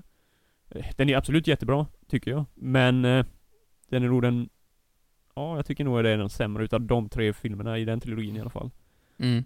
Eh, dels mycket på grund av historien. Historien är ju bra, men det är ju ett plagiat egentligen av Kurosawa, rakt av. Vilket också... Ja, men det, det... Ja. Ja, men vi diskuterade det mycket. Just det där, för, för du störde ju likadant på Magnif- Magnificent Seven, Jag att vet det är inte om liksom... jag stör mig egentligen så mycket på det. Absolut, det är väl inte det, men alltså Jag tycker ju de senare filmerna förbättrar ju det mesta alltså. Uh, Ja, du menar i storymässigt ja. ja. och uh, ja, filmiskt framförallt. Absolut. Mm. Du, ty- du tycker Den gode, den onde, fule är bäst av dem? Av de tre, ja det tycker jag nog. Ja, Det är, det är nog, kul, för jag, jag tycker ju mittenfilmen. Men jag tycker första. Ja. Men jag håller med, alltså, för där, Clint skapar ju sin ikoniska karaktär som han spelar i princip i varandra västern sen. Mm. Jo. Så är det ju. Mer eller mindre liksom. Ja. Eh, och, det, och det är ju Någonstans så tar ju han liksom det John, John Wayne skapar i, om man ska knyta an lite grann, i eh, Searchers. Mm. Alltså antihjälten, men tar det till en ny nivå. Mm. Mm. Som har präglat i princip all eh, populärkultur Ja. i både serietidningar och filmer. Tar Wolverine till exempel, ta han som ett exempel. Jo, men Clint Han- Eastwood är ju han den är ju sista arvtagaren liksom. Ja. I westerngenren egentligen på något sätt. Ja. Det Mm. finns ju ingen annan stor stjärna. Det är väl nu, eh, vad heter han nu då? Bridges möjligtvis. Som kommer närmast på något sätt. Jeff Bridges. Ja. Har inte han gjort en massa westernfilmer på senare tid? Eh, jag tänkte säga True Grit och han har gjort Wild Bill Hickok från 95. Jag tänkte säga, har han gjort något mer? Kanske bara är det. Nej, jag tänker några som har gjort mycket, eller mycket, mycket, men Ja. Chris Pratt har ju, han har gjort några stycken. Kevin Costner förvisso. Ja, ja, han ska jag ju säga. Mm. Kurt Russell har gjort tre i alla fall. Så det får man ju se som Jo, något. Absolut. Mm. Eh, ja, det var ju favoritfilm då. Ska vi gå vidare till tema? Ska Mm. vi vända på steken så ska jag börja nu då. Mm. Ja. Eh, och tema är, alltså för de som inte hängde med där, så är det låten för Musik- filmen temat, liksom. Ja. Mm. mu- musikaliskt theme. Yes. Ja, visst. Eh, och det, där har jag valt Magnificent Seven. Mm. Ehm, och det, det här är ju personligt, för, eller mest personligt för att det, var ju när, eh, jag är ett stort fan, eller ja, det är vi alla tre, utav Bruce Springsteen. Mm. Ehm, och eh, min första konsert var 2012. Och då var när de går in på scenen så är det Magnificent Seven som Ah, spelas. just det. Oj, det har jag glömt bort. Just det. Ehm, och det, det är en låt som har suttit i mitt huvud. Jag har aldrig riktigt, då visste jag inte riktigt vad det var för låt. Men jag har liksom Nej. gått och nynnat på den. Och sen när jag fick reda på att det var den filmen, så Mm. ja. Mm. Så den har jag som favorittema i alla fall. Jo, den är oerhört Ja. bra, det håller jag med om. Och Mm. den tycker jag ju Mm. är många gånger bättre än filmen egentligen, men eh, i, inte säga att filmen är dålig, utan den är absolut bra också. Men eh, jag tycker temat är ju några nivåer högt Outstanding, bättre ja. än eh, filmen egentligen. Mm. Ja. Mm. Ja. Ja. Emil. Ja. Jo, jag kom in där och jag... Det kan ju nämnas också att både Oskar och jag håller på ganska mycket med musik. Mm. Eh, och jag- är ju musiklärare och har gått musikhögskola och liksom håller på mycket med arrangemang och sånt där. Så ni vet ju vad ni pratar om, till skillnad från mig. nej, nej men jag, jag, jag, jag nördar ju ner mig mycket. Jag, jag kollar ju ganska i en nördig synvinkel. Ja. Eh, och jag pratar mycket om det här västernackordet. Mm. Eh, vänta, jag ska kolla om jag kan. Vänta lite. Häng kvar. Det här är något man inte hör i en podd varje dag. Ehm, I västern harmonik, alltså harmonik är ju ackord då, så är det ofta ett ackord som kommer, som sticker ut lite grann och skriker västern. Eh, jag gör med ögonen så här när det kommer, så får du säga Oscar. Mm.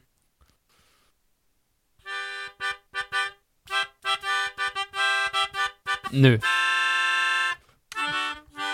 Ja. Ehm, kallas för eh, subdominantens subdominant för den som är intresserad. Eh, det här för mig är liksom, det ska vara en speciell sorts ackordsrunda, det ska vara speciell klang, det ska vara eh, trumpeter i högt läge, det ska vara liksom storslaget. För mig är ju det, eh, jag tänker alltid, när jag kommer till High Chaparral, när man står utanför portarna och hör det här liksom, Mm. så på ett sätt, jag pendlar mellan två låtar här. Det är bland annat Mag- Magnificent Seven. Eh, men jag måste ändå säga Silverado.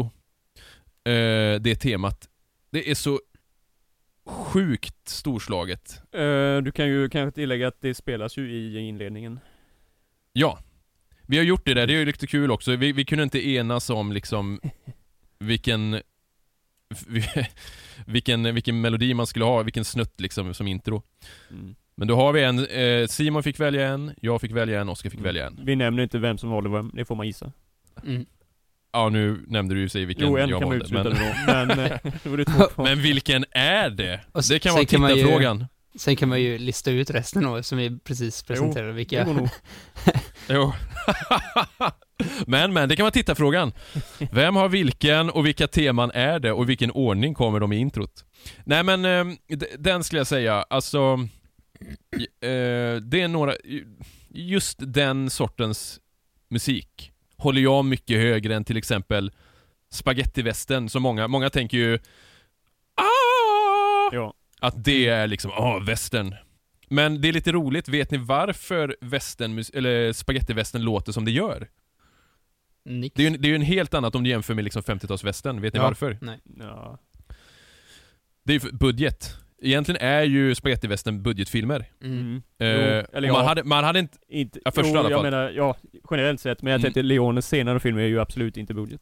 De är ju, Nej, men, men den första, som det, då hade man liksom inte, man hade inte råd att ha en stor Nej. fet symfoniorkester som man hade mm, på 50, eller fram till 50-talet liksom. mungiga. Eh, ja, så mungiga, elgitarr, någon trumpet, eh, några som ah! eh, Så det är egentligen, och det är väldigt inspirerat också av 60-talets ehm, eh, California liksom surf eh, pop. Mm. Det är lite kul. Jo. Soundet på gitarren är exakt som Beach Boys liksom. Mm. Ja, det är ju verkligen populär musik egentligen. Ja. Däremot det de gör som är viktigt, de myntar ju en helt annan ackordsrunda i moll som är, det kan vi gå in på någon gång senare, borde vi gå in nästan helt på musiken i något avsnitt. Mm, Mm. Absolut, det Eh, finns ju mycket att säga där. Som har blivit extremt vanligt. Mm. Det var det. Tack ska du ha. Simon. Mm. I och med att inte jag är musikaliskt insatt egentligen så eh, går jag Har bara inte på jag valt känsla. någon låt? Precis. Så nu blir det tyst i en kvart. Nej, nej men, eh, ja jag funderar på det, är ju svårt alltså. Eh, Men jag, en som ligger nära till hans är väl eh, hur västern vanns. How the West was won. Ehm, filmen alltså. Mm. Den eh, tycker jag är väldigt bra. Den är ju extremt pampig. Eh, och jag, Och det vad sa du? vi- vikt, viktigt att poängtera bara för de som lyssnar att det är alltså inte temat som är med i McKayens som, Som också är väldigt bra. Eh, Ja. Som jag också håller väldigt högt egentligen. Den är riktigt bra.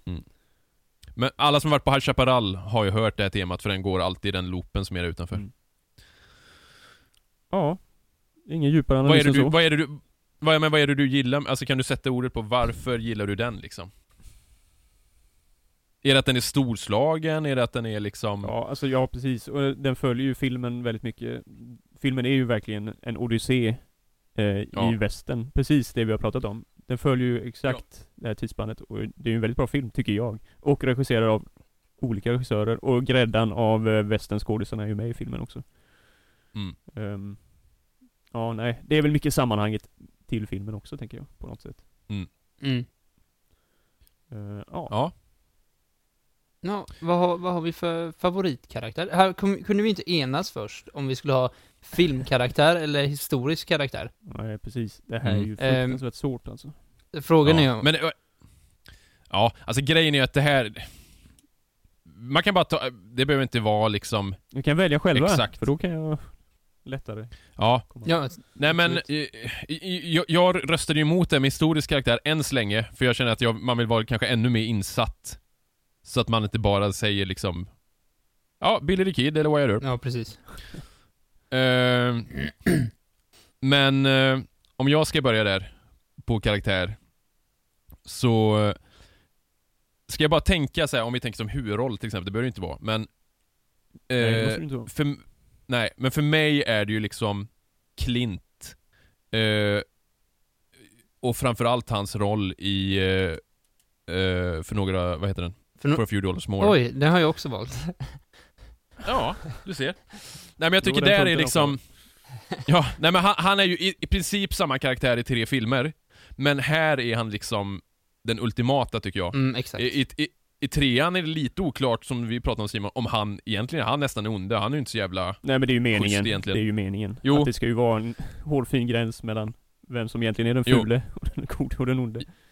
Mm. Ja. Mm. Nej men så... Jag tycker han är så... Och det, det är någonting med Clint alltså. Det, det är någonting...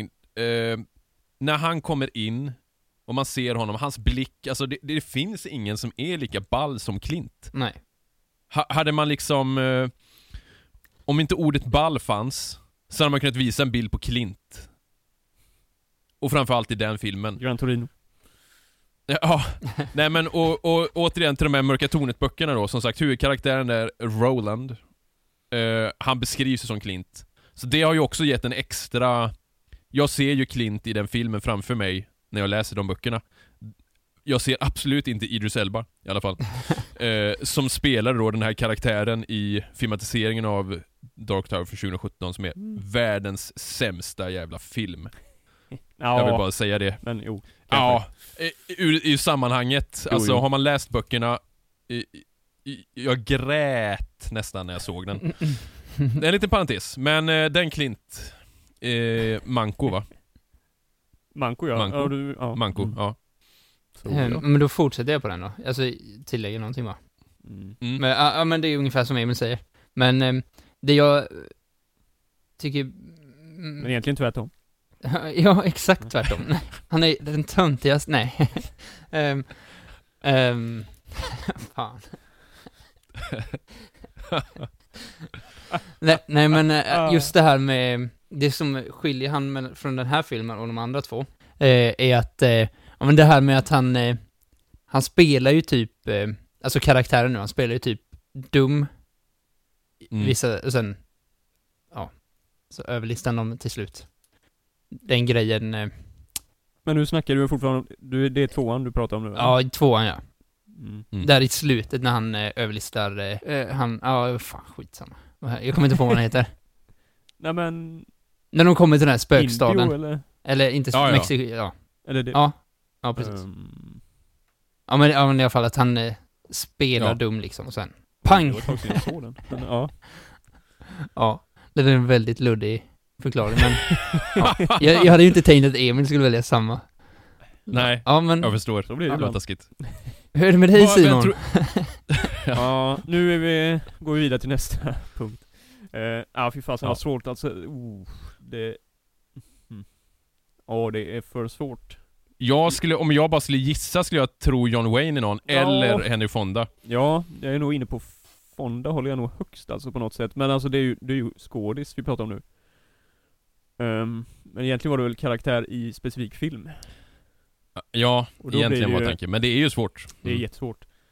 Uh, ja, så det står kanske mellan... Jag är lite svag för Fonda i... eh, vad heter den på svenska? My Darling Clementine. Ja, när han spelar Min älskling. Clementine. Ja, vad Ja. fasen heter hon? Sheriffen någonting. Skitsamma. Ehm, ja, när han spelar Wyatt Earp och han är ju lite speciell. Alltså han är ju inte den här klassiska hjälten på så sätt att han är ofta lite obekväm. Det är lite svårt att sätta finger på vad det är egentligen. Men lite mm, kantig kan man kanske kalla honom. Ja, nej men jag vet inte. Jag, eh, jag får säga honom så länge. Så kanske jag ändrar mig. Det är okej. Mm. Och sen har vi sista grejen här då, i den här det intro, korta intro, introduktionen för oss. Eh, favoritrevolver? Oj, det Ja, hade vi sagt det? och det... Ja, men då tänker jag, alltså det- då... Det här är väldigt Ja, Paxa lekfullt. Colt. Det, ja, men vilken? Ja men, Vilken modell liksom? Ja. Mm. Jo, Eh, och jag, alltså jag kan inte så jättemycket om eh, själva revolvern Nej, men det är ju hu huvudsakligen kanske utseendemässigt, Ja. tänker jag. Eh, Ja, men börjar du då Simon? Eh, mm, men alltså rent estetiskt tilltalande är väl Colt Ja, är det Navy eller Army nu då? Åh, Mm. det spelar nog ingen roll egentligen. Det är någon av dem. Faktiskt. Alltså, utseendemässigt är det ju bara Ja, det är små detaljer under laddarmen ja, som det är, skillnaden Ja, det princip. måste jag säga. Alltså, får jag säga en så är det nog rent estetiskt snyggast, tycker jag nog. Mm.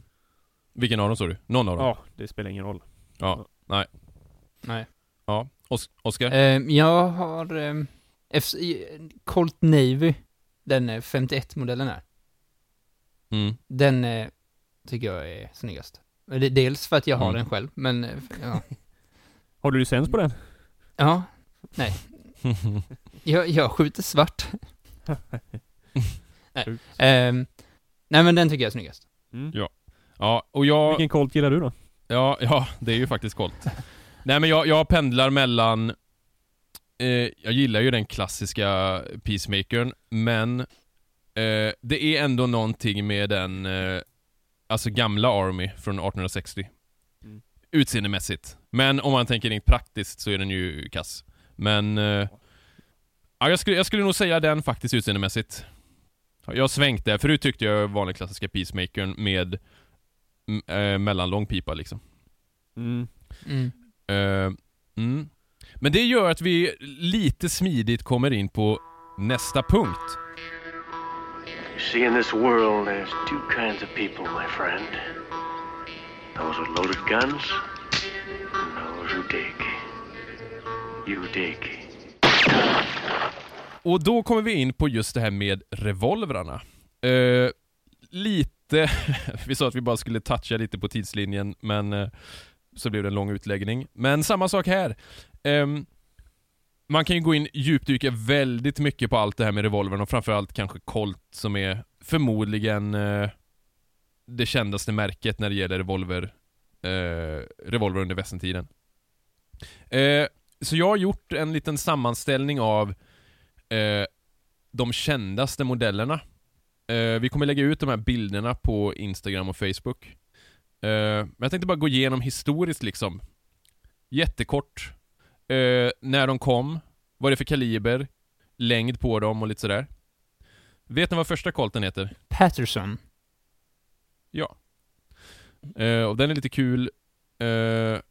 För det första modellen till den man gjorde, och gjorde man av trä liksom. Samuel Colt gjorde det för att visa för Men vilket år kom den? Eh, 36. Mm. Det Så det är egentligen innan västerneran liksom. Mm. 36 till 47. Det är Och det här var ganska... första revolven. Är det inte det? Ja, exakt. Mm. Jo, exakt.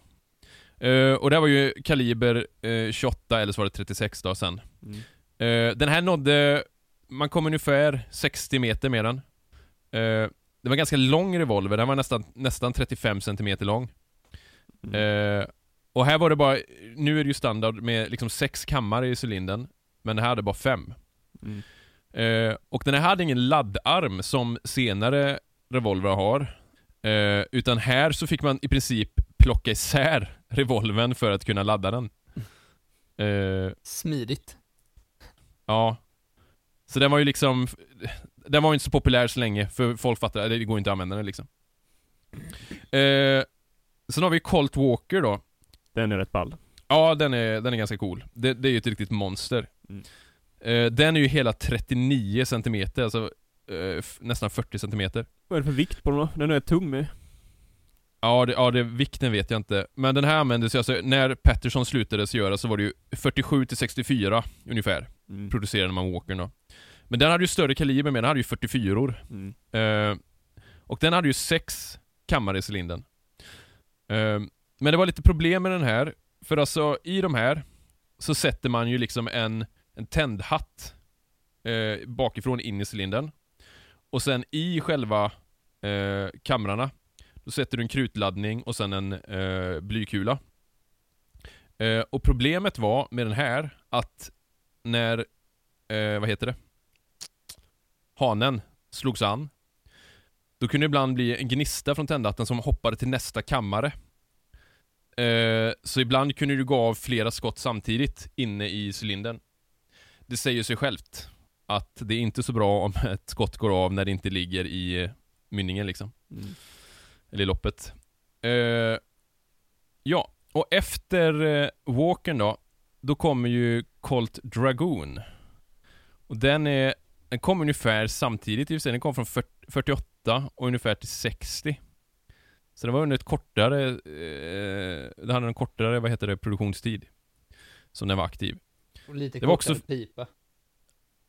Eh, ja, precis. Den En är ju bara, ja, 37,5 var den. Eh, revolven. Den, Den, eh, mindre är den väl också? ja, och den, eh, den, alltså. eh, ja, och kom inte lika långt cylindern heller. är kraftigare va? Eh, det, ja det är frågan, den är ju mindre, cylindern. Ja, är den det? Och kalibern är i alla fall densamma. Men Walkern till exempel, den nådde ju 91 meter och Dragonen 73 meter. Så den kom ju i regel inte lika långt då. Nej. Eh, sen det här med räckvidden, såklart det är ju jättemycket som påverkar det, men Jo. generellt. Sen kommer ju de här liksom kanske mer kändare eh, modellerna. Eh, den började produktionen 19, eller 1850 till 78 då. Och det är ju Colt eh, 1851 Navy-modellen.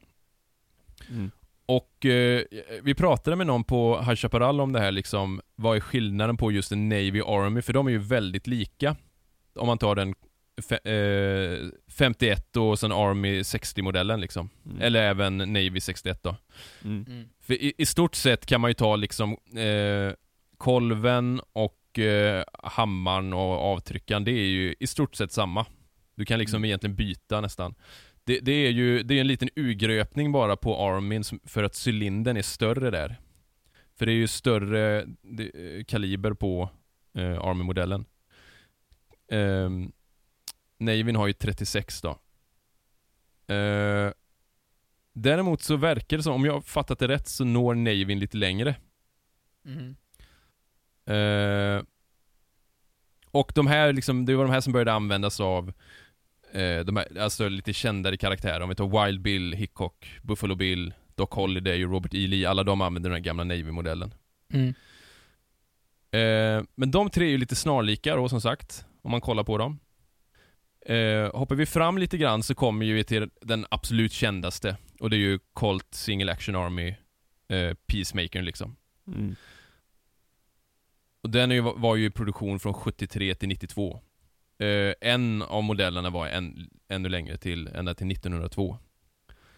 Eh, Och här ser man ju, det finns ju liksom, det finns extremt många olika, det, det finns 30 olika kalibrar och ännu flera variationer på piplängderna, men generellt sett de vanligaste är den som kallas för Civilian eller Gunfighter, alltså den ganska korta. Eh, där själva pipan är lika lång som, eh, vad heter det? Utmatningspistoljen, eh, liksom. Kavalleri eller ryttarpistol egentligen. Ja, Ja, precis. så man tar den Civilian Gunfighter, den är ju 26 cm lång. Sen har man en Artillery som är 27,5 eller 27,9 alltså nästan, 28 då. Och kavalleriet så är 33. Eh, Det roliga med de här, mm. det är att alla vi tre har ju en varsin utav de här i eh, replikor. Ja, precis.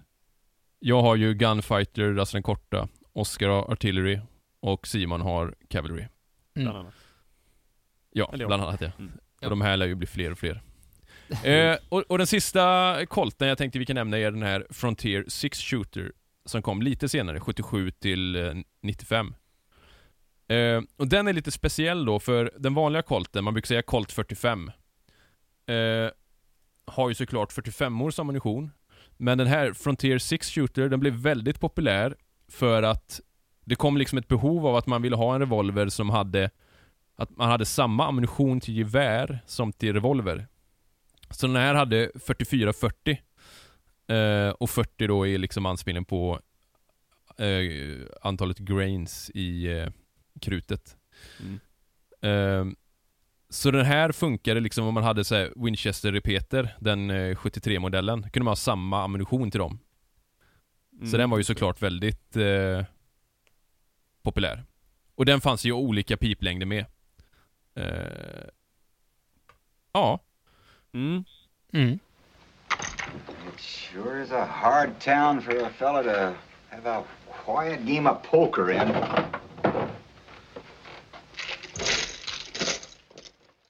Ja. Eh, då hoppar vi till eh, programmets näst sista punkt. Nyheter och tips. ja. Och den här punkten kan ju variera lite, det kan vara liksom, det kan vara i princip vad som helst. Alltså, Eh, Ja, det kan vara, precis, det är väldigt öppet. Det kan vara liksom ett allmänt tips, vad som helst. Bok, film. Eh, kanske inte film så mycket för det är ju en egen punkt i och för sig men Ja. Ja. Allt möjligt. Allt mellan himmel och jord. jag kan, eh, jag kan börja. Mm, gör det. För att knyta an lite till det vi just har pratat om, med revolvrarna. Eh, vi pratade lite om att vi äger replikor. Eh, och många känner ju såklart till detta, men eh, det kanske är sådana som är lite eh, som nyss har blivit bitna och, så här och funderar på om man ska köpa. Eh, för det är lite tuffa regelverk kring vad man får ha och hur högt revolverna ska låta om man har någon form av knall. Eh, ett vettigt alternativ är Colsers eh, revolvrar.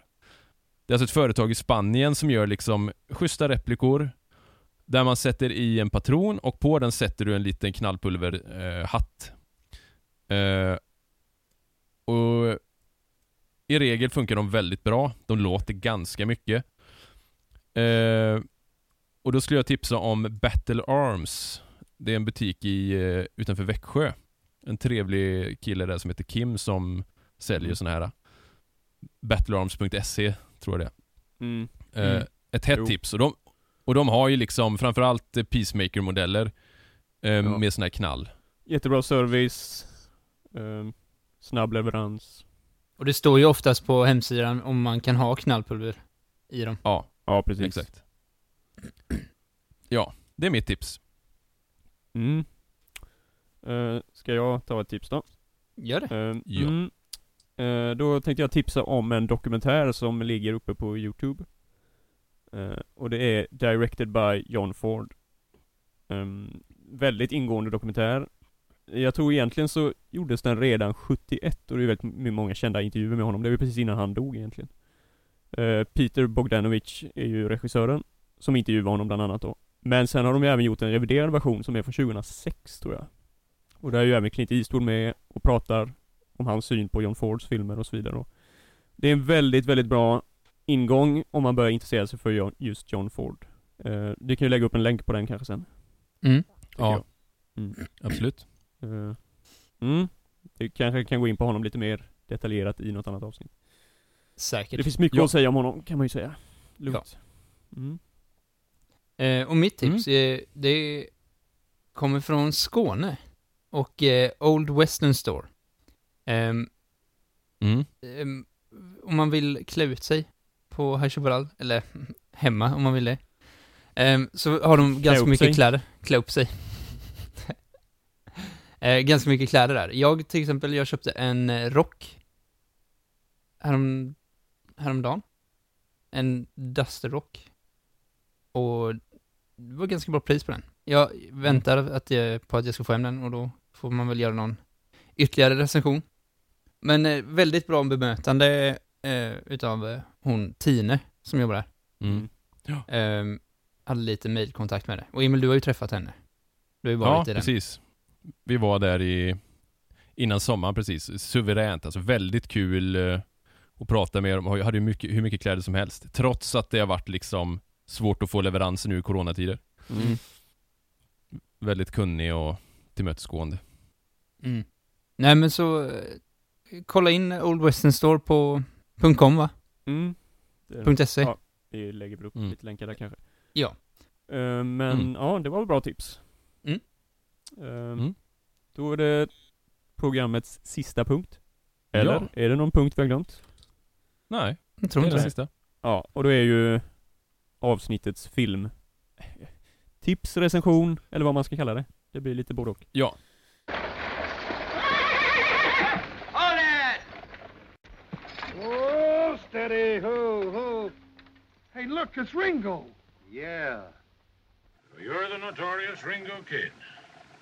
My friends just call me Ringo. Ringo, Ringo, Ringo. Ja, och som först ut då så har vi valt eh, John Fords klassiker Stagecoach, eller Diligensen som det heter på svenska, från 1939.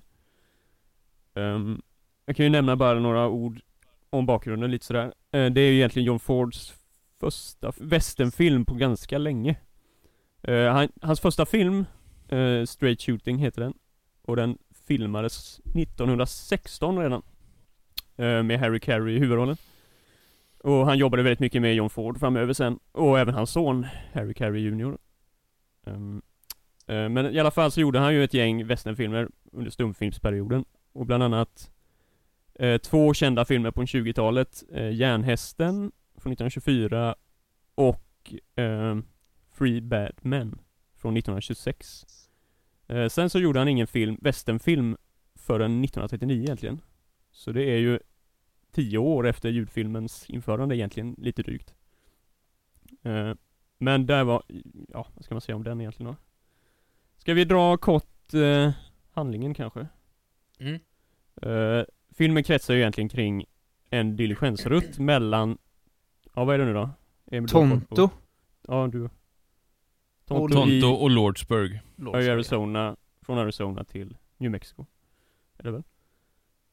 Mm. Ehm, Mm. Ja, och i den här diligensen då så är det ju nio väldigt olika karaktärer. Om vi nämner vilka de här är då. Dels är det ju kusken då, Buck. eh, lite comic relief karaktär. Eh, sheriffen som eh, rider eh, shotgun. Eh, Mm. En läkare.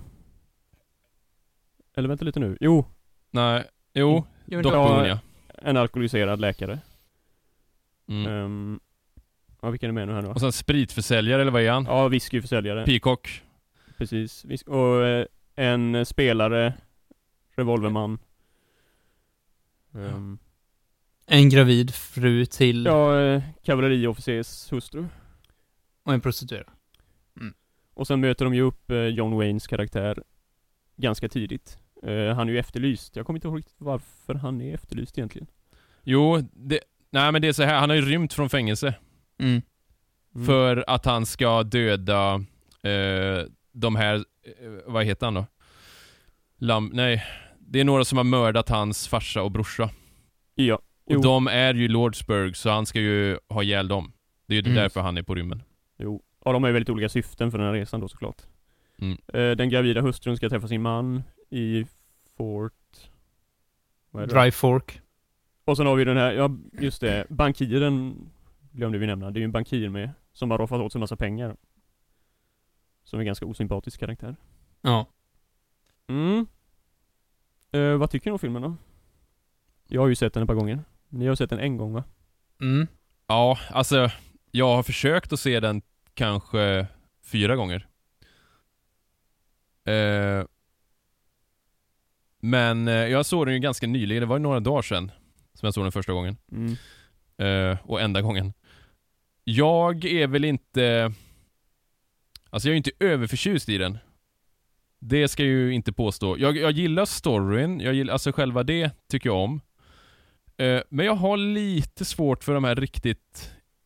Alltså för det första har jag faktiskt lite svårt för svartvit västern.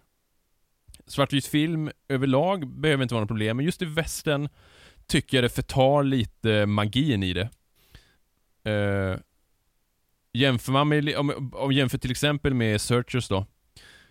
Uh, de här landskapen till exempel, de, Mm. jag tycker inte de ju- kommer till sin rätt Jag kan ju nämna det också, detta är ju egentligen kanske den första, åtminstone John Fords första film som utspelar sig i Monument Valley med de här kända bergsformationerna i Arizona är det va? Norra Arizona tror jag. Ja, mellan Arizona och Utah. Ja, men Mm. i alla fall, och det blir ju hans trademark väldigt mycket sen. Det är ju med i princip varenda westernfilm framöver. Och blir ju väldigt mycket Ja. förknippat med John Fords filmer. Ja. Stilistiskt väldigt klassiskt. Nej, men jag, jag, jag tycker den är bra men jag tycker att den inte riktigt kommer till sin rätt på något sätt. Alltså, de, dels så tycker jag att den hade gärna kunnat, för att använda ett uttryck jag använder ofta, fläskats ut mer. Något som till exempel remaken från 66 gör, tycker jag. Två re- Eh, remakes. ja, det finns en tv-version Ja. från 86 Med Willie Nelson, Ja, Chris det, ja precis. Ja, ja. Highwaymen liksom. ja, den har inte jag sett i för. Men, eh, nej, men det, ja, så. Nej men alltså, värt att nämna i sammanhanget är väl att den, det är ju början på västerns, västernfilmens guldålder egentligen som är 40, 50, ja 60-talet också då. Framför, det toppar väl på 50-talet Mm. egentligen. Eh, men Ja. det, 30-talet var väldigt präglat av B-västernfilmer egentligen. Fram till 39. Mm. Och det här var något helt annat. Det var seriösa karaktärer, seriös handling. Eh, på ett helt annat sätt. Mm. Mm. Och har ju präglat väldigt många västernfilmer som har kommit efter det. Mm. Även musiken är ju rätt klassisk. Ja, fast det är där. Där har vi delade åsikter. Jag tycker ju musiken är en grej som håller ner filmen väldigt mycket. För jag tycker att det är väldigt så här, musik av sin tid, alltså orke orkestermässigt och eh, det låter ju mycket mer, om vi säger 30, tidigt 40-tals orkestermusik än vad det låter västern för mig. Jo men så är det ju I arrangemangen. tidsperioder i och för sig. Jo, men jag menar Nej, nej, idé. nej det är ju det det inte är. Musikaliskt är det ju inte det. Om du tar sen från delar av 50-talet, 60-talet, 80-talet, då har du ju det här klassiska som har blivit västern, som inte är kopplat till en eh, tidsepok, alltså rent musikaliskt. Här det är det ju mycket mer så här. Det, det är det jag stör mig på, men det, ja. Jo, jo, men i alla fall återigen här då så väver han ju in känd amerikansk folkmusik i huvudtemat. Bland annat är det ju Trail to Mexico som är väl huvudtemat. Även, eh, Mm. oh, det är någon Steven Foster dänga med senare också. Jag kommer inte ihåg vad den heter just nu.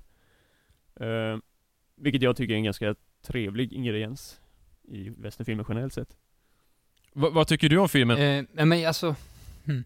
jag, jag tycker den är okej. Eh, men eh, överlag så är den eh, ganska seg för min smak. Eh, och den är väldigt seg i början. Jag skulle säga att typ, när det börjar bli lite intressant är efter, ja men typ efter första 20 minuterna eller något. Eh, ja men när de stannat och käkat där i Dry Fork. Mm. Mm. Ehm, men det som ger plus är typ äventyrskänslan. Mm. Att, eh, Mm. man, man, alltså det är ett äventyr liksom. Det är ju en Ehm, ganska spektakulär scen också. Eh, det här kända, man hoppar mellan hästarna. ja, Stundscen. Som har Och sen- kopierats många gånger senare. Ja, Maverick till Ja. exempel. och sen så tycker jag om eh, humorn ganska mycket. Mm. Eh, och framförallt doktorn då. Ja, han, vet Ja. att nämna ju att han fick en Oscar för den rollen. Ja. Eh, Mm. Vad heter han nu då? Oh, det kommer jag inte ihåg just nu. Thomas Mitchell. Mm. Men det var väl välförtjänt. Och sen, sen, det är ju väldigt bra filmat för att vara 39 tycker jag. Mm. Mm.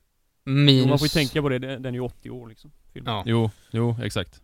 Och minus, ja men det, jag har också lite svårt för svartvit, men det är inte bara västern utan det är allmänt Mm. svartvita filmer liksom. Eh, och sen att den är hyfsat seg. Jag tycker hans spritförsäljaren gör en väldigt bra insats. Skådisinsats. Ja, ja, jo. Uh, Meek heter han ju, skådisen i alla fall. Han är Ja. med i flera, han är med bland annat i, vad heter den? Jesse James. Från samma år förresten. Också sevärd film. Uh, färgfilm. Man kan, ju- man kan ju nämna också att eh, som, som liksom eh, dragnamn till den här, då är det ju inte John Wayne, för det här var ju liksom hans Mm. Han första var ju- stora huvudroll. Han var ju Ja. andra Precis, det är ju Utan- hon, eh, den prostituerade egentligen, som är... Claire Trevor, mm. Mm. Dallas där. Ja. Men ka- karaktären är ju väldigt, det måste man ju säga överlag, det, och jag inbillar mig att det var lite unikt här, att, alltså, att det är så rikt persongalleri. Jo, men det var ju den seriösa. De var ju inte van vid det under den tiden. Just Nej. när det gäller westerngenren framförallt. Ja. Och det speglar också, han har ju, eller John Ford, har ju en väldigt speciell syn då på översitteri och sånt. Och det speglas ju väldigt Mm. tydligt i den här filmen när det är samhällets eh, bottenskrap egentligen som är de ja, hjältarna på ett sätt. Och eh, Mm. bankiren är ju verkligen en osympatisk figur. Ja. Mm. Ska vi landa i någon slags, vi har pratat om betygssystem. Eh, Ja. och, och det är väl egentligen tre betyg, eller vad, vad kom vi överens om egentligen? fem sa vi, fem. Vi har eh, eh, fem möjliga 45or. Det är toppbetyg. Just det, det var fem ja. Mm. Ja. Och vi får ju gå var och en. Så Simon, vad skulle du ge den då? Ja alltså Det är ju absolut inte John Fords bästa film, det är det inte, tycker inte jag i alla fall. Men Ja, jag landar nog ändå i en fyra och en halva tror jag faktiskt. Absolut. Ja, vad säger Emil då? Mm, jag är lite kluven alltså. Eh, jag hamnar ju någonstans... Nej men jag säger nog faktiskt... eh, om man tänker att ett är... Ett är ju inte bra. Tänker vi att... Nej men tänker vi att noll, det är kast liksom. Ja, ett och två är ju dåligt, tre är väl okej. Ja, ja men då skulle jag ju säga tre. Men det är, det är en snäll tre alltså, det är nästan mer åt två och en halv. Men jag, jag skulle nog ändå placera den på tre, just för filmens... Betydelse. Alltså, hu, hu, ja precis. Mm. Så tre. Jag är inte lika snäll.